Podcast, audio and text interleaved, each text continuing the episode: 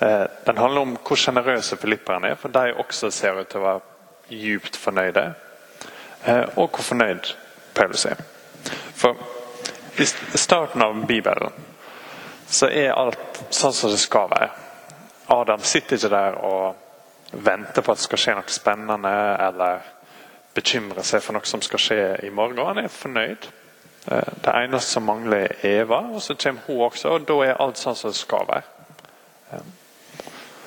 Og så kommer syndefallet. Eh, Og så bestemmer de seg for å ikke høre på det Gud har sagt, men å prøve å være Gud sjøl. En av hovedtingene som kommer ut av syndefallet, er at når de prøver å være Gud, så blir de skikkelig frustrerte. Eh, Og ser det gjennom hele Bibelen, egentlig. At når mennesket setter seg sjøl på en plass som vi ikke skal ha, og tar Gud ned fra den plassen han skal så ender det opp med masse frustrasjon. At ting er ikke sånn som det var meint å være.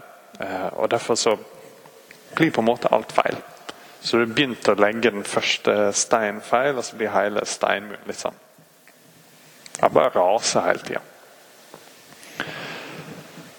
Hvis det er sånn, og det er ganske tydelig at det er sånn, i den første skapelsen, så hadde oss forventa i utgangspunktet at nå når Gud har sendt Kristus, og han har begynt på gjenskapelsen, han skal fikse ting og skape det på nytt, eh, så forventer vi at den frustrasjonen kanskje skal skje noe med.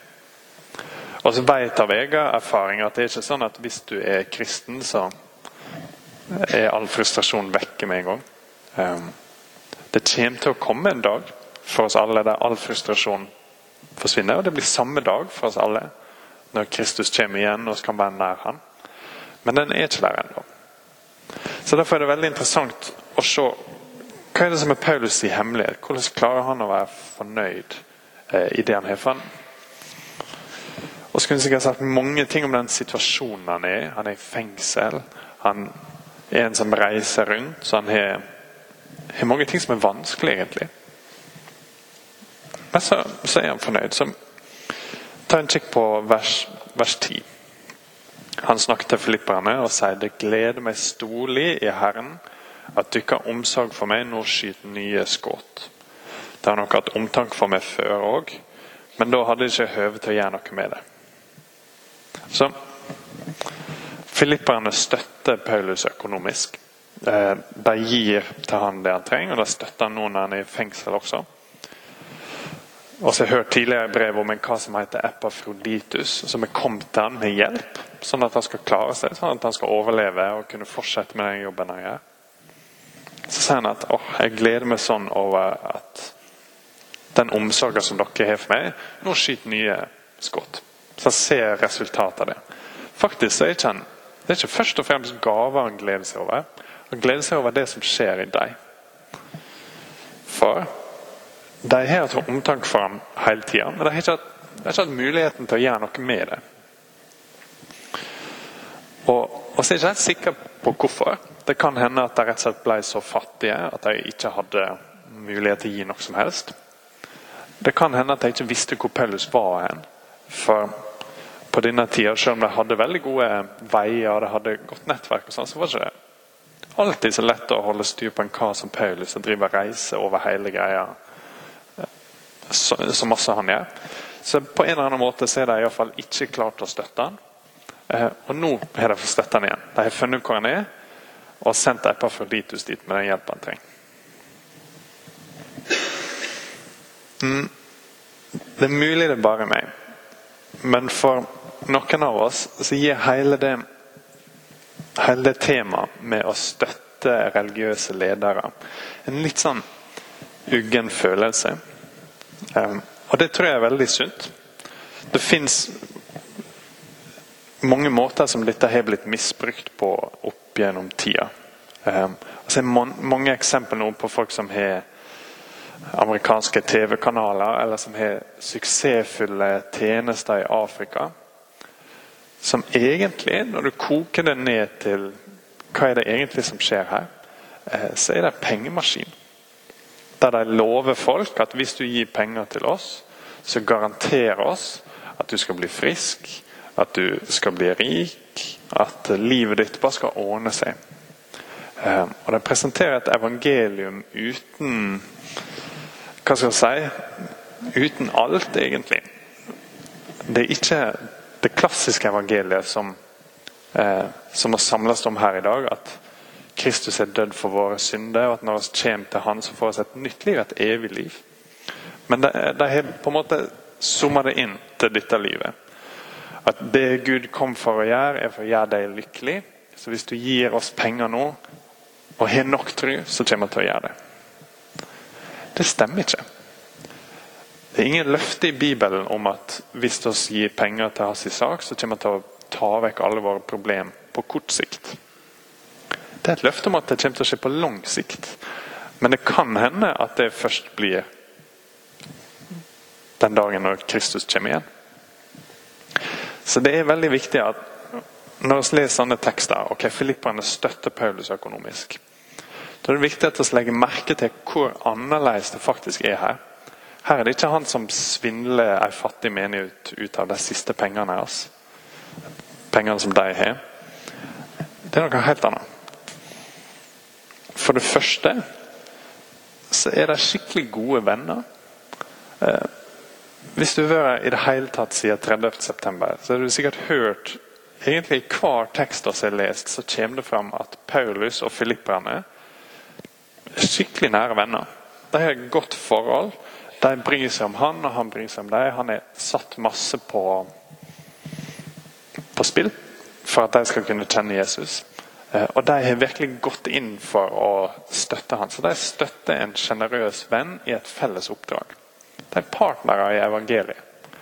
Det er noen som mener at det er tema på hele boka. Det kan godt hende at her er Paulus og filipperne partnere i evangeliet. Og en naturlig del av det er at de støtter.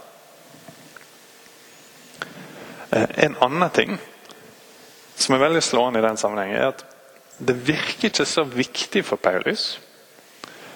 Han virker nesten unormalt fornøyd. Så hvis du tar en kikk på vers 11 og 12, så sier han Jeg sier ikke dette fordi jeg leid nød. Interessant ting å si når du sitter i fengsel under falske beskyldninger osv. Men iallfall. Jeg sier ikke dette fordi jeg leid nød, for jeg har lært å klare meg med det jeg har. Jeg veit hva det er å ha lite. Jeg veit hva det er å ha overflod. I alt og i alle ting er innbygd å være mett og være sulten, å ha overflod og ha for lite. Alt makt er i Han som gjør meg sterk. Alt makt er i Han som gjør meg sterk er et eh, favorittvers for mange. Sånn, du står der med syltetøyglasset. Alt makt er i Han som gjør meg sterk, og så får du det fortsatt ikke opp. ikke sant? Sammenhengen her er ganske annerledes. Her er ikke det sånn løfte om at hvis du møter vanskelige ting i livet, så kommer det bare til å løse seg så lenge du tenker på Jesus. Her er det snakk om en djup fornøydhet. At når Paulus møter de store tingene i livet, når hverdagen skjer, og når unntakene skjer, så sitter han med en djup følelse på en måte at han er tilfreds. Han er nok. Eh, selv, og så har han en sant?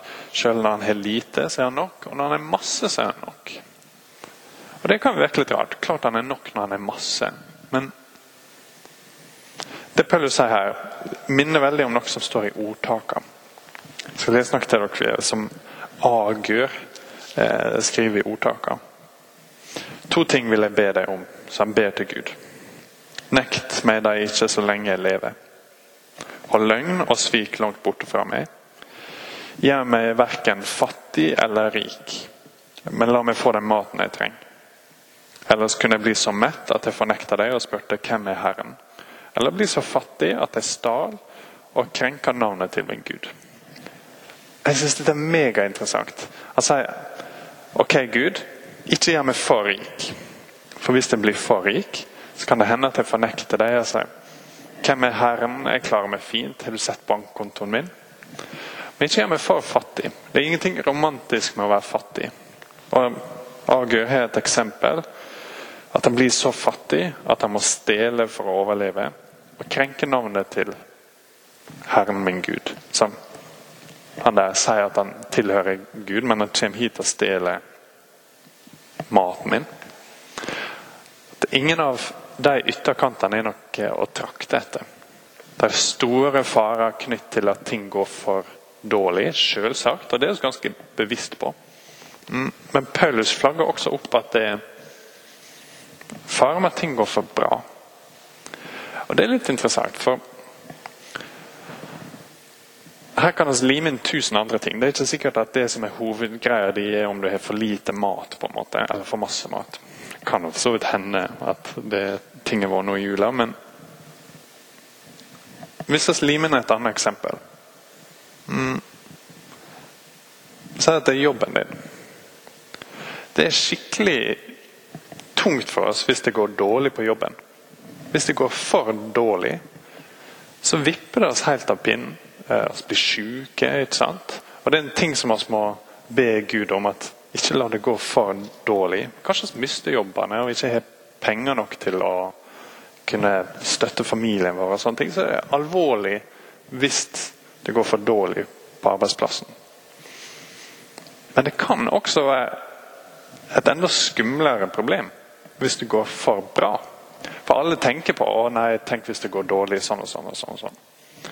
Eh, men hvis det går for bra, hvis jobben din som egentlig var en god gave fra Gud, nå har blitt din nye Gud eh, Du bruker et antall timer der som er så stort at du prøver å ikke vise det til noen. Eh, eller du er så opptatt av hva folk syns om deg i sammenheng med jobben din, at det er det som dominerer deg og styrer hele livet ditt. Da er det en farlig ting. Og en ting som Paulus sier at han har lært å takle. Han har lært å takle begge situasjonene. Hans sitt eksempel er han har lært å være fornøyd selv når han er lite, og når han er i overflod. På en måte så har det samme ved for oss har lært å takle både å ha en jobb som går bra, og å takle en jobb som går dårlig. Der begge er egentlig like vanskelig. Eller ungene dine, hvis du er unger lære å takle det når det går skikkelig dårlig med ungene. Kanskje de er syke, eller kanskje du har prøvd hele livet deres å oppdra dem, og du ser at du egentlig ikke lykkes. Hvordan være tilfreds i det? Hvordan kan du stå i den situasjonen uten å føle at du rakner? Du er ungen min, og jeg har ikke klart å oppdra deg, og det reflekterer på meg, føler jeg, og nå er jeg kanskje egentlig ikke den personen som jeg trodde jeg var. Så det kan være en farlig ting. ikke sant? Det kan være noe som vipper oss av pinnen i livet. Men også motsatt, hvis det går for bra. Du har de strålende ungene som kommer inn, ikke sant? og som går inn med lys i kirka, eh, og som står fremst og synger på alle mulige sånne skoleting. Jeg tenker hm, Det er ikke alle som er som meg. Se hva jeg har fått til. på en måte. Se hvor flink jeg er til å oppdra ungene mine. Hva er galt med de folka der borte som har unger som skriker på butikken og sånne ting. Det er like vanskelig, egentlig, at det går bra og det går dårlig. Men Paulus har lært seg å være fornøyd. På en måte kan du si at han er trukket litt vekk fra disse situasjonene. Det er ikke sånn at når helsa er dårlig, så er alt dårlig. Og det er ikke sånn at når helsa er bra, så bygger alt på det. sånn at hele livet kretser rundt at han er en person med god helse. Han er på en måte, Det er noe annet som styrer hans fornøydhet, og som forankrer han i livet. Men når jeg sier det, så høres det også helt feil ut. For da høres det ut som om Paulus er litt sånn avkobla fra ting. Og det er da helt feil. Her er en kar som er tett på livet til folk. Han er tett på sitt eget liv. Han står midt oppi alle tingene som han holder på med. Han er ikke en stein som står her borte og ikke føler noen ting og ikke blir vippa av pinnen i den ene eller andre retninga. Han er aktivt inn i de tingene. Når det går dårlig, så er han helt til stede der. Når det går bra, så er han fortsatt helt til stede. Så Poenget er ikke at han på en måte er stoisk og fjern. Poenget er at det er noe annet som forankrer han. ti kroner hvis dere klarer å tippe hva det er. Men jeg skal vise det til dere. Dere vet det før, fra før. Men det kommer fram på en litt spesiell måte i den teksten. Vers 13. Alt makt er Han som gjør det sterk. er kun mulig hvis vers 19 faktisk har et ekte, levende og nydelig innhold. Så vi litt til vers 19. Så skal min Gud, som er så rik på herligdom i Kristus Jesus, gi dere alt det trenger. Vår Gud og Far være ære i all evig. Amen. Eh, det er mulig du ikke tror på det, det verset i det hele tatt. Eh, og I så fall så er jeg glad for at du er her. Eh, for det er dette å snakke om her hver dag. Så hvis du er interessert i det, så er du kommet til rett plass og undersøke det. Men for dere som tror på vers 19, at når Paulus sier så skal min Gud, som er så rik på herligdom i Kristus Jesus, gi dere alt det trenger. Gjør det verset dere fornøyd? Hvor mange hestekrefter er det verset i livet ditt? Er det en sånn, sånn liten elektrisk motor som du kobler bak på en liten båt, sånn at du kan kjøre rundt uten å skremme fisker en gang? Eller er det et stort maskineri som du setter på en oljetanker som skyver deg framover, selv om det kommer en fregatt i veien og tror du er land? Um, hvor stort er dette? Er vers 19 en ting som er kjekt å vite? på en måte, og ja, ok, Det kan henge på kjøleskapet ved siden av vers 13. Alt makt er hans hjemme sterk. og så skal min Gud, som er så rik på herligdom i Kristus Jesus, gi dere alt det trenger. Ok. Eller er vers 19 et vers som går an å dø på? Et vers som går an å leve på? Så skal min Gud, han er din Gud, han er så rik på herligdom i Kristus Jesus at i Kristus så er Guds herligdom ikke bare blitt synlig, men også tilbudt deg. At det er en person som du kan kjenne, som i relasjonen din med han, så er Guds herligdom der til stede. Mm, og så står du der, og så går det ja, Du føler det går dårlig med ungene dine. Eh, du føler at det reflekterer tilbake på deg. Og så er det en massiv vekt av fornøydhet og herlighet og godhet i Kristus som forankrer deg. Så da kan du snakke til ungen din der ting er begynt å rakne og gå gale, uten at du sjøl rakner. Uten at du eksploderer med frykt. For hvis dette går dårlig, da forsvinner alt som jeg er. Da er hele min eksistens ødelagt. Din eksistens er ikke engang i ungene dine. Den er ikke i pengene dine. Den er ikke i helsa di eller jobben din eller ja, lim inn sjøl hva det kunne være. Den er i vers 19.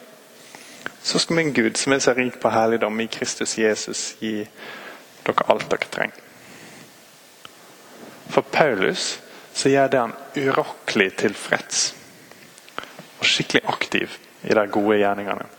Og Det gjør det samme for filipperne. Og Det eksempelet som er synlig her, er at de er skikkelig sjenerøse.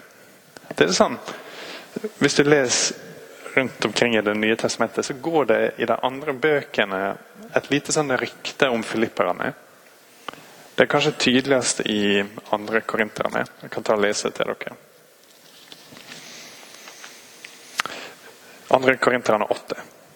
Vi vil nå kunngjøre for dere søsken hva nåde Gud har vist forsamlingene i Makedonia.